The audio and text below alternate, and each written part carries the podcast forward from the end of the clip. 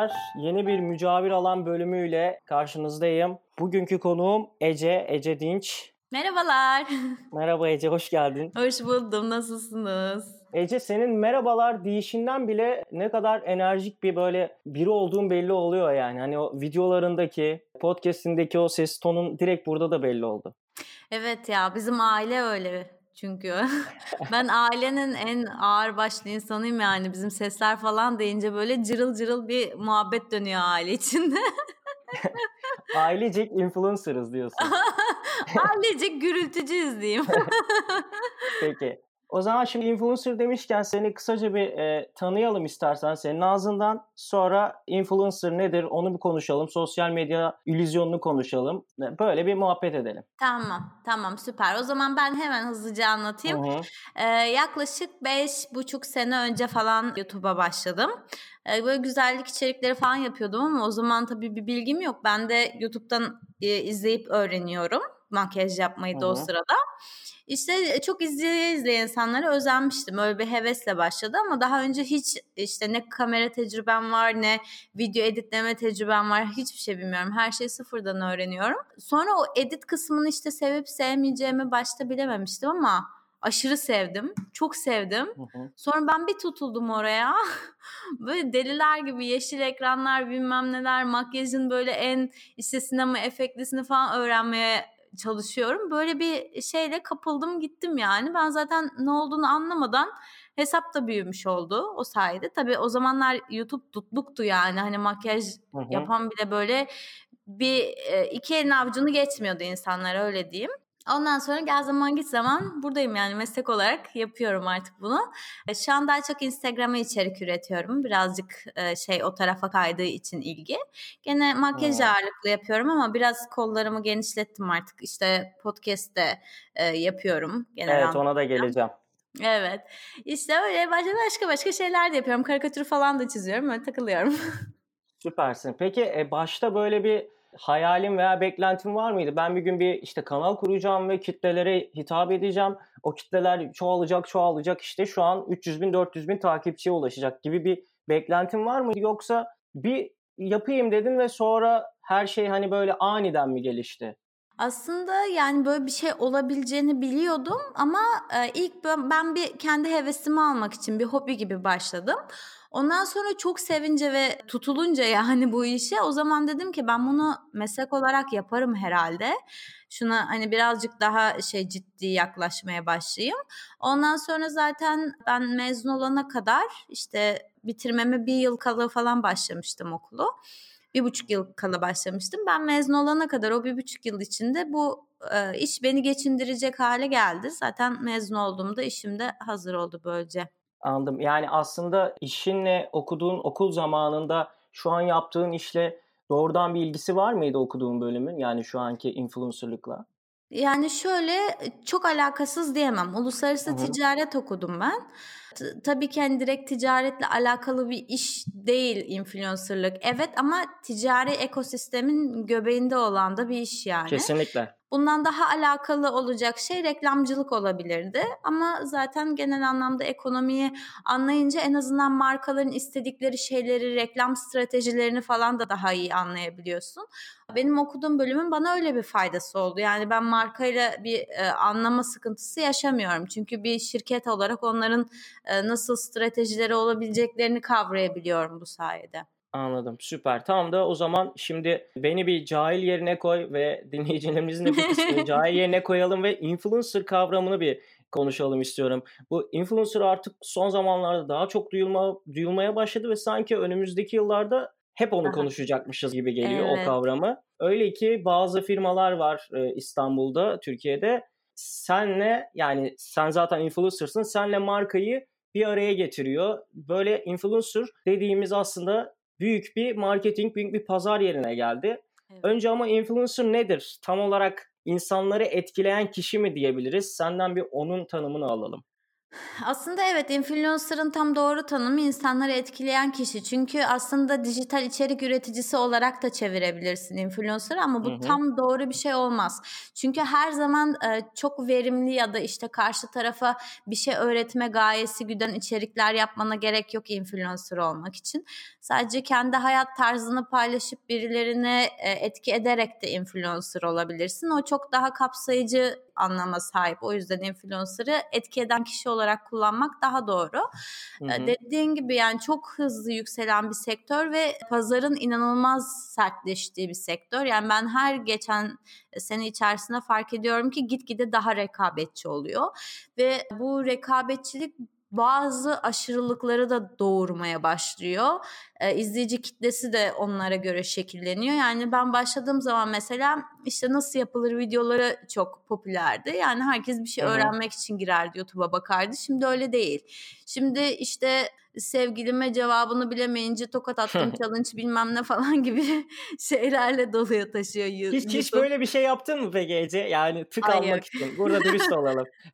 Ay yok yani tık almak için mesela mecburen clickbait başlıklar atmak Hı-hı. zorunda kaldığın oluyor. Onda da kendimce bir kafamda çizgim vardı. Onu hiç aşmamaya Anladım. çalıştım. Yani en azından videonun içindeki şeyle mutlaka alakalı olsun falan ama yani işte bu tarz challenge'lar benim ürettiğim içeriğe zaten hiçbir zaman oturmuyordu. Hani ne bileyim biraz daha geyik şeyler, gülmeme challenge falan olabilir de hani böyle artık kafamızı slime'a soktuk challenge bilmem çok aşırı geliyor bana evet. bilmiyorum. Orada biraz yaşlı kalıyor belki de kafam yani. evet evet neler neler var. Babam fark etmeden kulağını çekme challenge'ı falan böyle. Çok ilginç ya, şeyler. İnanılmaz ya. Ne var bir tane dur e, kışkırtma kışkırtma videoları. Ad, delilik yani o. inanılmaz bir şey. O korkunç evet. ben ya tahmin ben, edemiyorum. Kardeşim 12-13 yaşında bir kardeşim var. O onları izlemesin diye çok hani çabaladım ama olmuyor. Özellikle 12-15 yaş arası çocukların çok e, deli gibi izlediği tarzdaki videolar. O kışkırtma dediğim videolar. Evet Şimdi, evet. Şimdi sen ben etkilenmiyoruz öyle bir şeyi gördüğümüzde ama onlar etkileniyor ve kendileri de yapmaya başlıyorlar okulda, başka yerde, sokakta. O yüzden Tabii sonra yaşları ilerleyince onlar içerik üreticisi olmaya başlayınca şeyin de habitatı değişmeye başlıyor işte. Yani ben başlayalı beş buçuk sene oldu aslında düşünce çok uzun değil ama Y jenerasyonun elinden Z jenerasyonunun eline geçti aslında bu dönemde ve gerçekten çok fark ediyor yani o geçiş. Doğru ona da geleceğiz. Ona da geleceğiz ama bu influencer kavramından biraz devam edelim istiyorum. Firefest belgeselini izlediğini tahmin ediyorum. İnanılmaz bir olay. Bizdeki tosuncuk gibi bayağı bir kandırma bir şey.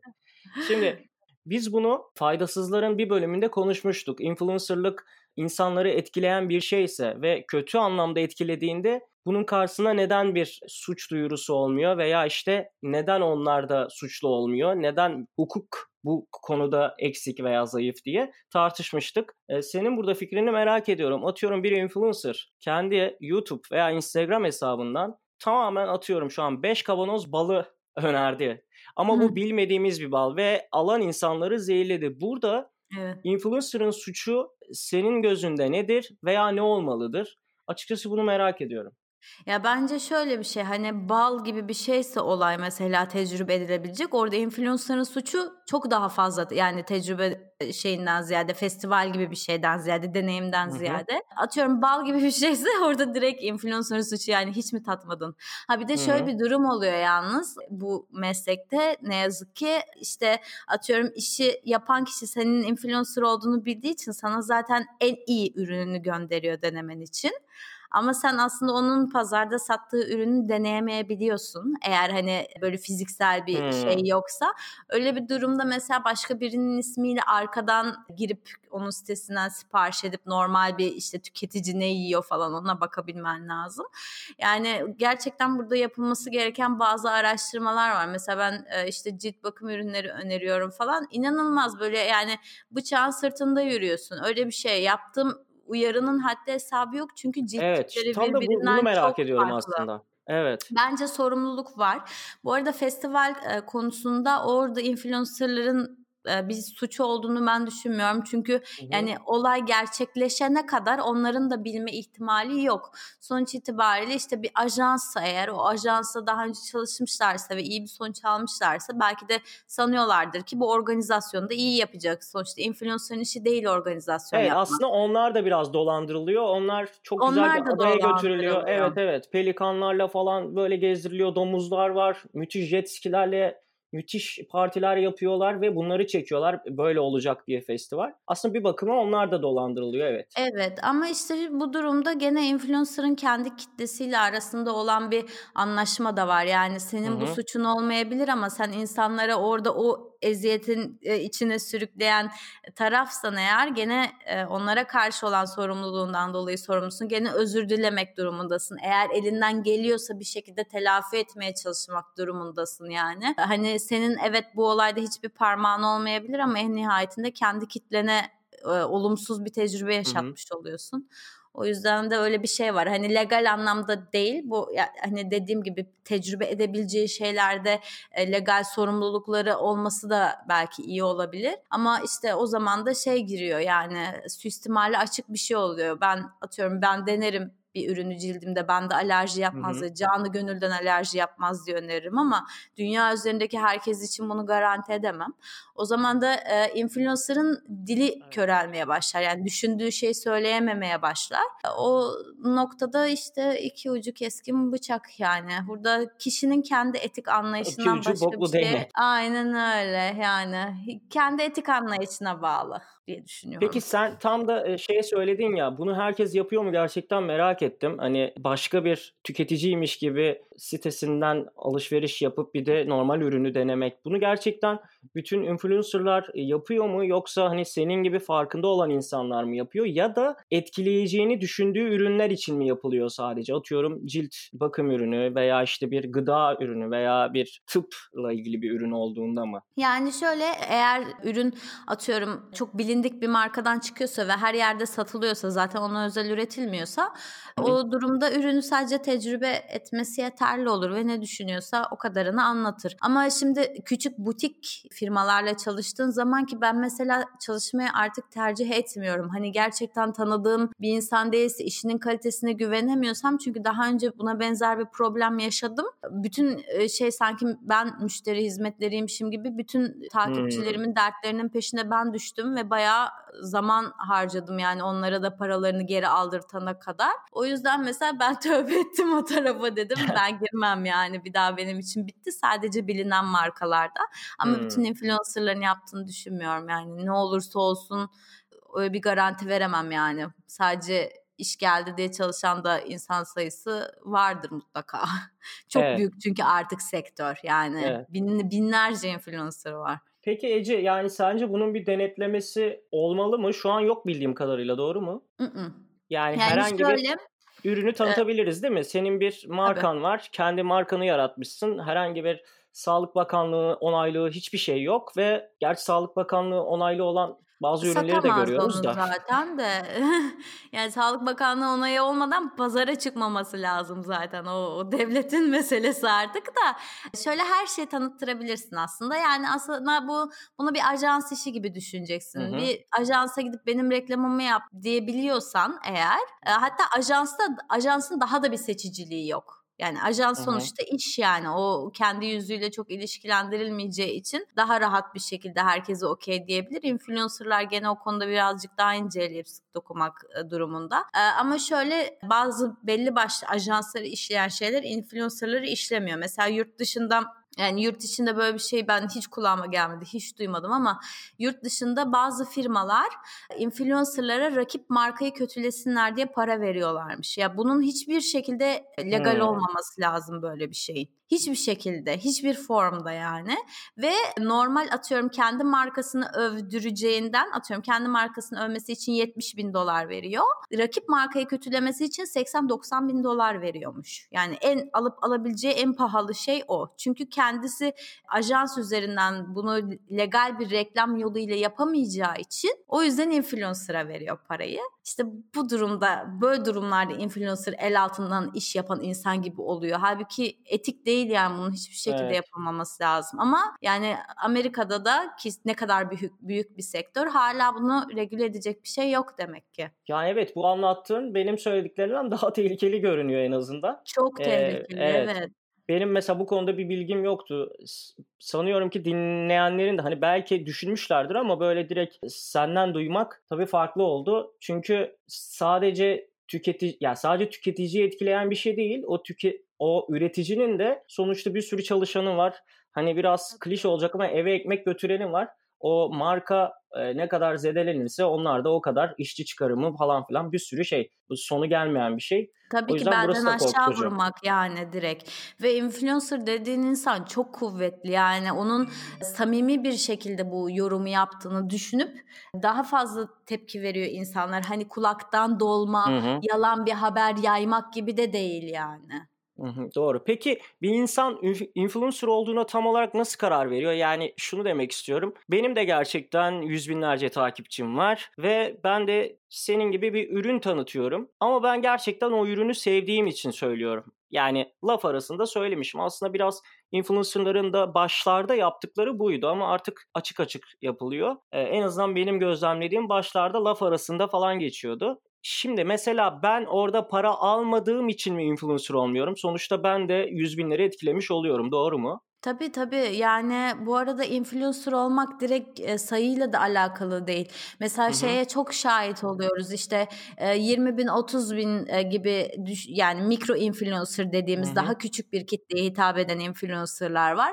Ama bu influencerların yüz binlere hitap eden influencerlardan daha iyi performans daha iyi geri dönüş sağladığı olabiliyor. Yani daha çok satış yaptırdığı Nitelik, olabiliyor. Nicelik olayı aslında evet. Daha evet, çok çünkü, etkileniyor. Çünkü kitle küçük Güven hmm. çok daha sağlam. Hı-hı. Kitlen büyüdüğü zaman o aradaki güven bağında da mecburen zayıflama oluyor. Çünkü herkesle aynı derecede iletişim kuramıyorsun. Hı-hı.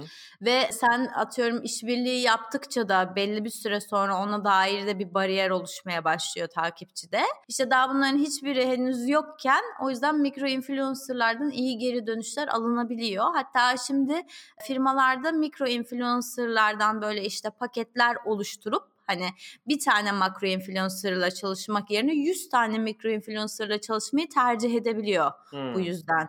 Çünkü hem erişimini sağlıyor, aynı erişimi sağlıyor 100 mikro influencer'la hem de daha iyi geri dönüş alıyor. Yani aslında herkes bir noktada influencer hani aha şimdi hmm. influencer oldun nasıl hissediyorsun dersen artık çok fazla görmeye başlarsam birilerini etkilediğini belki öyle bir şey olabilir. De influencerların influencerları e, etkilemesi gibi bir olay da var. Yani influencerları etkilemeye başladıysan tam anlamıyla bir influencersındır artık.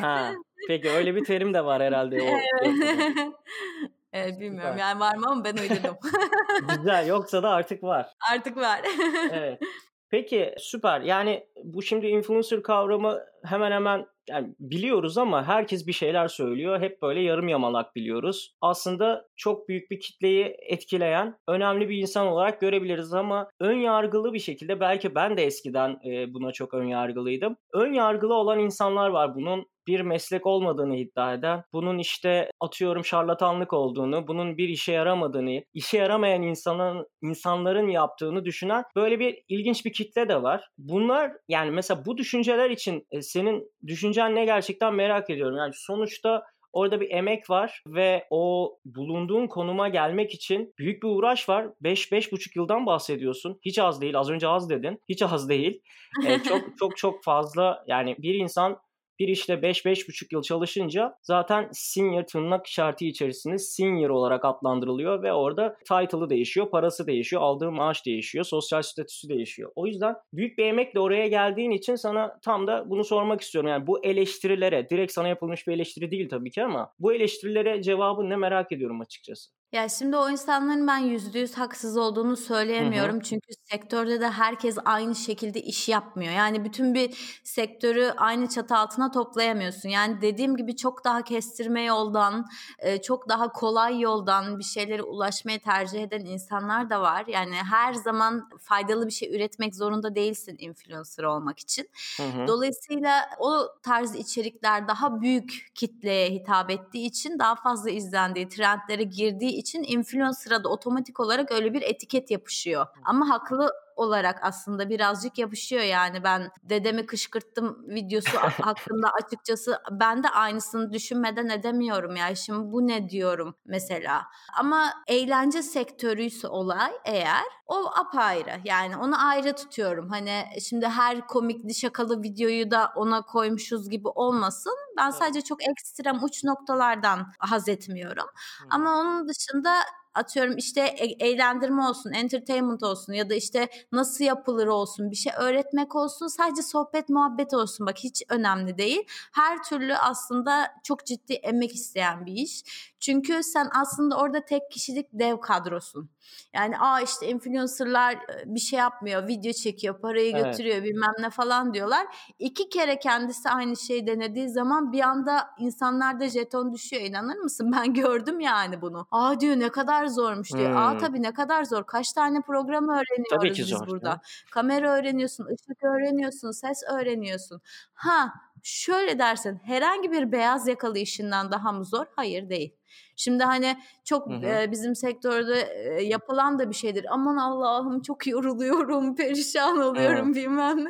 Yok evet, yani öyle yoğunum. bir şey de değil. Evet çok yoğunum aynen.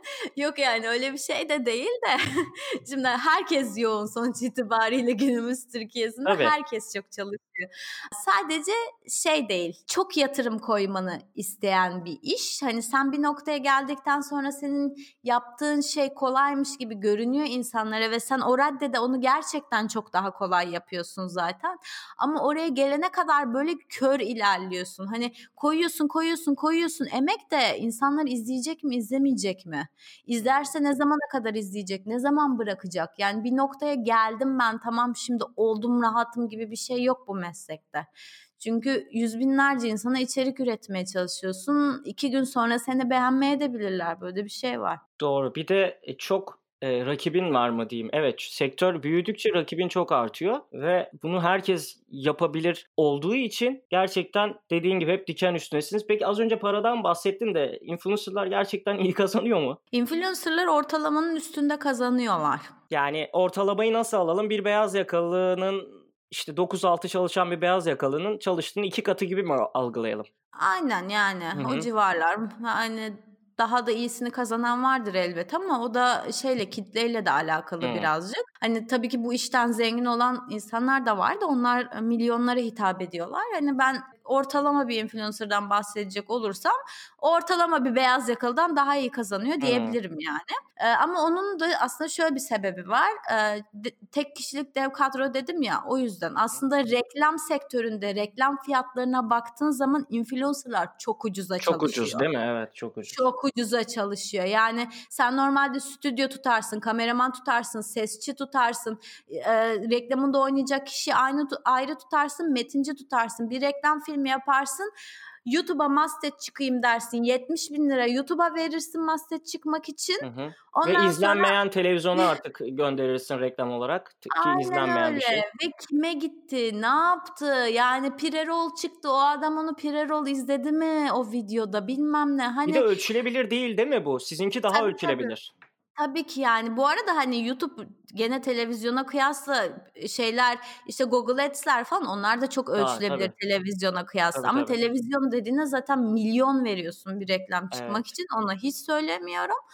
Ya bizimki yani çerez kalıyor onlara ve bir sürü masraftan onları hem muaf tutuyorsun hem de çok daha iyi bir geri dönüş sağlıyorsun hem de direkt nokta atışı kitlelerine iş veriyorsun. Yani aslında influencerlar e, koydukları değere göre az kazanıyorlar az, diyebilirim. Evet. Aslında burada iki taraflı bir win-win olayı da var gibi sezdim ben. E, tabii, sonuçta tabii. sadece artık küçük firmalar değil, çok köklü büyük firmalar da influencerlarla çalışmak istiyor. Doğru değil mi? Tabii tabii artık evet. E, umarım yani sen şu an dedin ya biz normalde işte o reklam firmalarının veya o reklam işte ajanslarının yanında çok çok cüzi bir miktara çalışıyoruz. Umarım daha böyle değerinizin daha yüksek olduğu bir piyasa olur. Peki bu ya belki de inşallah olmaz yani sonra sonra iş çok daha ekstremlere gidebilir yani. Ama zaten sanki öyle olacak gibi. Yani gidecek olacak, gibi. Olacak. Bu sektör büyüyecek ve gidecek. gerçekten bu sektörle ilgili çok daha farklı şeyler duyacağız gibi. O yüzden benim ilgimi çekiyor ve o yüzden seni konuk olarak almak istedim aslında.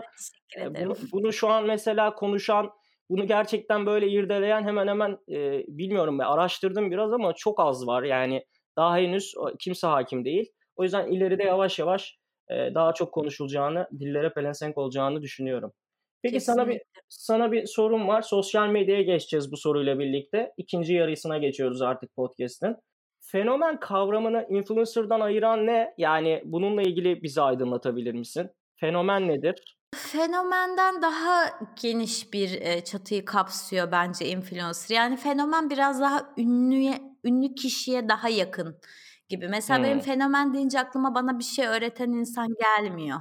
Fenomen deyince beni eğlendiren, güldüren yani ya da işte ne bileyim değişik şeyler anlatan, performans yapan bir insan geliyor yani fenomende.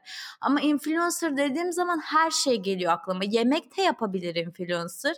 Influencer talk show programı da yapabilir. Moda da yapabilir.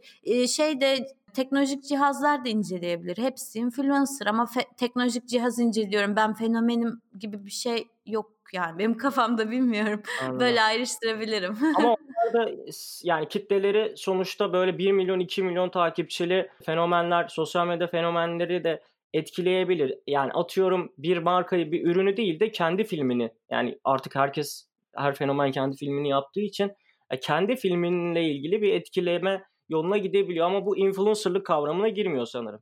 Yo giriyor aslında fenomenler hmm. de çok kuvvetli influencerlar. Sadece her influencer fenomen değil. Hmm, anladım. Peki sen açıkçası böyle büyük bir televizyon kanalında işte yıllarca TV sektöründe çalışmış biri olarak ve sonra hani biri olduk ve sonra sosyal medyaya geçtiğin gibi bir şey yok. Sen bayağı YouTube'la var oldun diyebilir miyiz? Evet, evet, Heh. aynen Tam da o yüzden sana bunu sormak istiyorum. Sen bir sosyal medya insanısın aslında. Sosyal medyanın içinde kitlelere sesini duyurdun. Sosyal medyayla e, kitleni genişlettin. Yani her şeyi sosyal medya üzerinden yaptın. YouTube, Instagram, atıyorum Facebook, Twitter.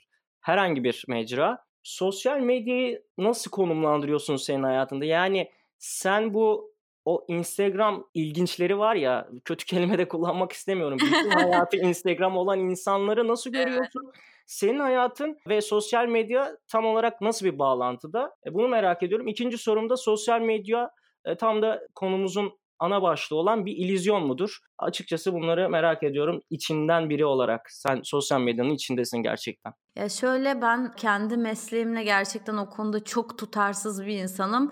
Mesela ben bütün gün telefonuma hiç bakmayabilirim, unuturum, hı hı. atarım bir köşeye haberim olmaz. Kullanmayı sevmiyorum. Mesela ya da bir yere gittiğimde bir story atmadan ya da bir fotoğraf çekmeden çıkıp gittiğim o kadar çok oluyor ki hiç aklıma gelmiyor. Yani sanki bu benim işim değilmiş gibi böyle unutup gidiyorum. Aslında Çünkü... çok güzel yere geldin. Bu bu senin işin iç iş tanımında da var mı? Yani hayatından bir bir şeyler sunmak, kesitler Tabii. Hımm. Bunları daha mı çok ki. merak ediyorlar peki takipçilerin?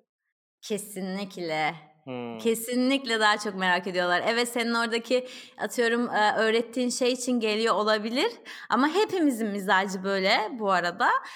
ama bir insanın yaptığı işi sevdikten sonra abi bakayım hayatının geri kalanında da ne yapıyor demeye başlıyorsun ve hayatının geri kalanında yaptığı şeyler de seni etkilemeye başlıyor. İşin ilginç tarafı o yani sen onu makyajı için izliyorsun ama giydiğin ayakkabı da hoşuna gitmeye başlıyor. Gittiği mekan da hoşuna gitmeye başlıyor. Zaten böyle böyle influencerlık işi de hmm. e, büyüdü, genişledi yani. Ama ben mesela sosyal medyaya karşı baya baya bir mesafeliyim. Belki bazen günde yarım saati geçmiyor benim sosyal medya Aslında kullanımım. Aslında bilinçli bir kullanıcısın ama biz tabii buna mesafeli diyoruz maalesef. Yani bilinçli yani, bir kullanıcı senin yaptığını yapıyor aslında. Evet aslında ama ben onu bilinçli olmak için yapmıyorum biliyor musun? Çok iyi gelmiyor bana çok fazla sosyal medyada durduğum zaman. O yüzden. E, çünkü sosyal medya var olması da zor bir platform. Yani her zaman senin e, zihninle oynayan bir yer orası. Depresyonu tetikliyor. Tabii ki depresyonu tetikliyor, kıyası tetikliyor, bulunduğun noktadan mem- memnun olmaman, evet. memnuniyetsizlik yaratıyor yani. Kısaca yüzden, bu memnuniyetsizlik doğru yaratıyor. Diyorsun. O yüzden de etrafımızda hiçbir şeyden memnun olmayan, mutlu olmayan şu an insanlarla kaynıyor ve sosyal medyada bunlarla isimleri olmadığı için herkesin hakkında, her şeyin hakkında istedikleri gibi memnuniyetsizliklerini dile getiriyorlar. Evet. Tam da söylediğin sebepten dolayı olabilir. Bir de dedin ya hani benim hayatıma artık böyle benim yaptığım işleri izlemek için geliyorlar ama daha sonra benim hayatıma da tanık olmak istiyorlar. Bu aslında FOMO FOMO denilen hastalığı doğurmuyor mu? dinleyiciler için açalım. Fear of missing out. Yani neler yaşadığını bir an olsun böyle kaçıracağım korkusu. Acaba Ece ne yap ne paylaştı, ne yaptı? Bu bunu doğurmuyor mu aslında ve hemen hemen Instagram kullanıcılarında bunu görüyorum ben. Sen bu konu hakkında ne düşünüyorsun? Yani bence öyle şeyler oluyor. Hani benim kitlemle öyle bir şeyimiz olmadı. Hani ben hiçbir zaman o kadar hayatıma dair hmm. aşırı aşırı şeyler paylaşmadım ama kitlesi tamamen bunun üzerinden dönen influencerlar da var. Gerçekten böyle onun bir gün hesabına girip bakması çatlayacak seviyesine gelen takipçiler olduğuna ben aşırı eminim yani. Ve çok kötü bir şey. Takıntı yani bu düpedüz. Evet ve, tabii zaten çağın hastalığı deniliyor. Şu bu çağın hastalığı deniliyor bunun için. Evet ve hastalık gerçekten yani sürekli bir memnuniyetsizlik, sürekli bir yetersizlik, karşındaki insanın senden çok daha fazlasına sahip olduğunu düşünüp ona karşı bir içten içe nefret ve öfke duyma ama aynı zamanda yaptığı şeyi de takdir etme. Dolayısıyla ondan gelen bir saçma sapan bir takıntı, bir obsesyon oluyor. Çok haklısın. Ya aslında bu biz eskiden bu sosyal medyanın hani ilk zamanları böyle yeni yeni filizleniyordu YouTube falan. O zamanlar televizyonu kötülerdik. Hani biz çünkü toplum olarak sadece Türk toplumundan bahsetmiyorum. İnsanlık olarak bir şeyi tutarken diğer bir şeyi mutlaka kötüleriz. Yani onun evet. öncesindeki herhangi bir şeyi, aidiyet hissini çok seviyoruz. O yüzden de televizyonu kötülüyorduk. Fakat artık sence YouTube dediğimiz, Netflix dediğimiz şeyler de televizyonun yerini almadı mı? Yani şunu demek istiyorum. Televizyondaki boş içerikler kadar boş içerikler daha da çoğalmadı Tabii. mı ve daha çok etkilemiyor mu aslında bu?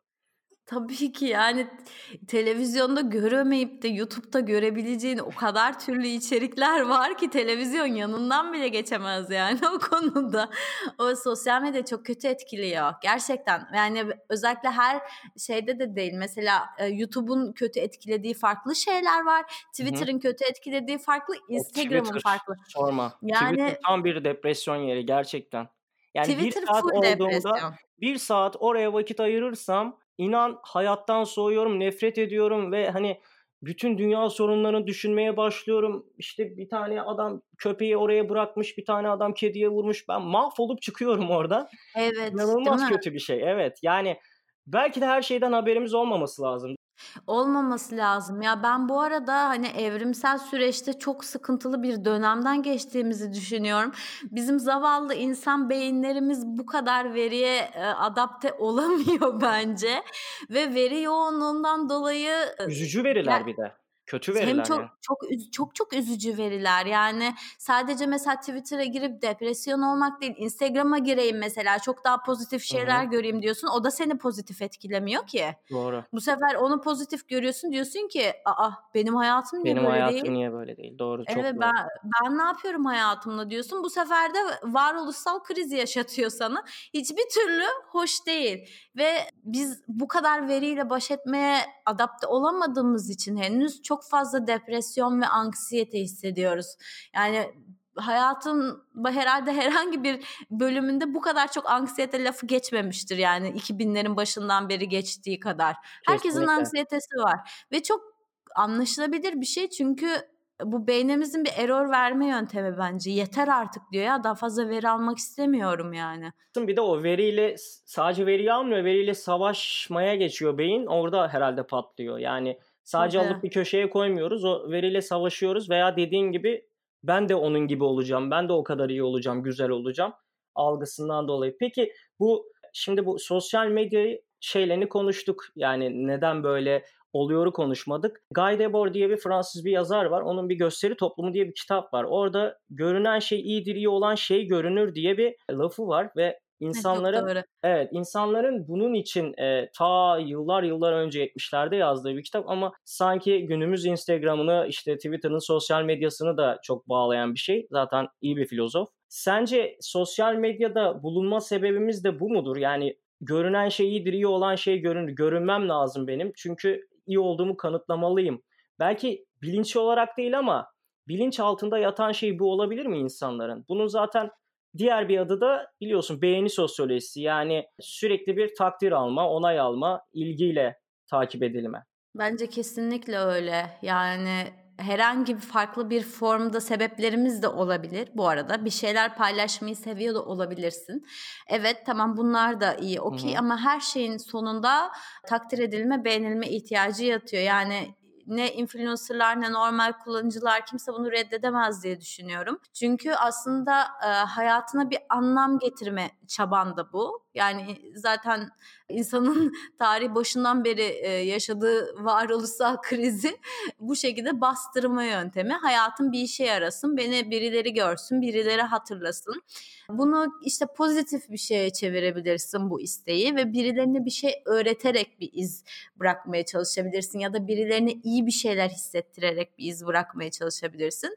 E, ya da tam tersi bakın ben buradayım, başarılıyım, ne güzel geziyorumla da iz bırakmaya çalışabilirsin. İki türlü de iz bırakırsın. İki türlü de hatırlanırsın yani. Hı hı. İşte orada senin kendi ne anlattığın hikayeye bakıyor aslında. Ama ikisinin de öz, özünde ne yatar dersen tabii ki beğenilmeye ihtiyacı, onaylanmaya ihtiyacı. Toplumsal bir canlısın ve her zaman onaylanmak isteyeceksin bundan kaçış yok yani. Yani normalde günlük hayatımızda devam ettirdiğimiz yani atalarımızdan gelen huylarımızı sosyal medyada da devam ettiriyoruz. Farklı bir şey yok diyorsun. Evet evet farklı bir şey yok. Sadece işte bu çok bir anda geldiği için adapte olamadık. Çok karanlık yönlerimizi çok hızlı ortaya Doğru. çıkardı. Kendimiz de farkında olmadan bir baktık böyle sosyal medyada ne yapıyorum ben olmaya başladık. Doğru diyorsun. Peki son olarak e, podcast yap artık podcast yayınının da olduğunu söyledin. Biz de işte podcast yapıyoruz geçen yıldan bu yana. Faydasızlar adı altında 20 25 bölüm yaptık. Mücavir alanda sen ikinci konumuzsun ve bizim oluşturduğumuz podcast'te gelen ilk kadın konuksun. Bu Oo, e, yaşasın. Evet, bu açıdan da çok hoş. Senin podcast'in ne üzerine? Sen ne anlatıyorsun ve ismini söylersen e, bizim de az olan takipçilerimiz seni dinlesinler. Çok teşekkür ederim. Bizi Böyle Bilin diye bir podcast'ım var. Her şeye kadın gözünden bakan bir podcast ama e, feminist tonajı olan bir podcast. Evet ama e, sadece feminist konular üzerinden değil her şey üzerinden konuşuyoruz. Gelecek kaygısı olabilir bu, e, beden algısı olabilir bu ya da efendime söyleyeyim e, ilişkilerinde yaşadığın düzenli problemler, kendini tanımak her şey olabilir ve hiçbir şekilde bir şeyi bildiğini iddia eden ya da bir şey cevap verdiğini, soruların e, her şeyin cevabını bildiğini e, öyle bir, öyle bir podcast değil. Hiç sevmiyorum. Sadece Hı-hı. bir beyin fırtınası şeklinde değerlendiriyorum ben bunu. Ee, öyle bir arkadaşınla dertleşir gibi bir şeyler üzerine kafa patlatır gibi bir e, podcast bekleriz efendim. süper süper. Peki podcast sektörünü nasıl görüyorsun? Yani artık böyle 2020 sanki podcast yılı olacak gibi duruyor. Spotify'ın Anchor'ı satın alması, podcast'e çok yatırım yapması falan. E, sen nasıl görüyorsun podcast sektörünü? Podcast canavar gibi gelecek diye düşünüyorum. Gerçekten öyle düşünüyorum. Çünkü birincisi radyonun yerini aslında bir nevi alıyor gibi ama tam evet. olarak radyoda değil. Çünkü İstediğin radyodan... zaman dinleme özelliği var böyle bir evet. lüks var. Ve arada müzik yok yani sadece sohbet evet. dinliyorsun. İstediğini her konuda dinleyebilirsin ve her yerde dinleyebilirsin. Çok fazla toplu taşıma e, kullandığımız için artık ya da atıyorum temizlik yaparken bile olabilir. Evet, evet.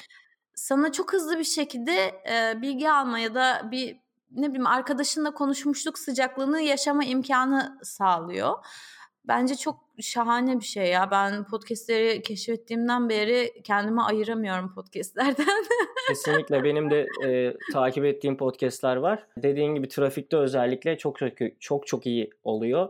E, o çünkü orada ölen zamanını değerli kılmış da oluyorsun bir bakıma. Hani evet. Hani bir komedi podcast dinlesen bile. Evet evet. Tabii yani sen orada trafikte sinir stres olacağını ya da temizlik yaparken öfleyip pöfleyip sıkıntıdan patlayacağını vaktin kolayca geçmiş oluyor. Bence harika bir şey ya. Podcast daha da büyüsün, kocaman olsun, devasa olsun inşallah.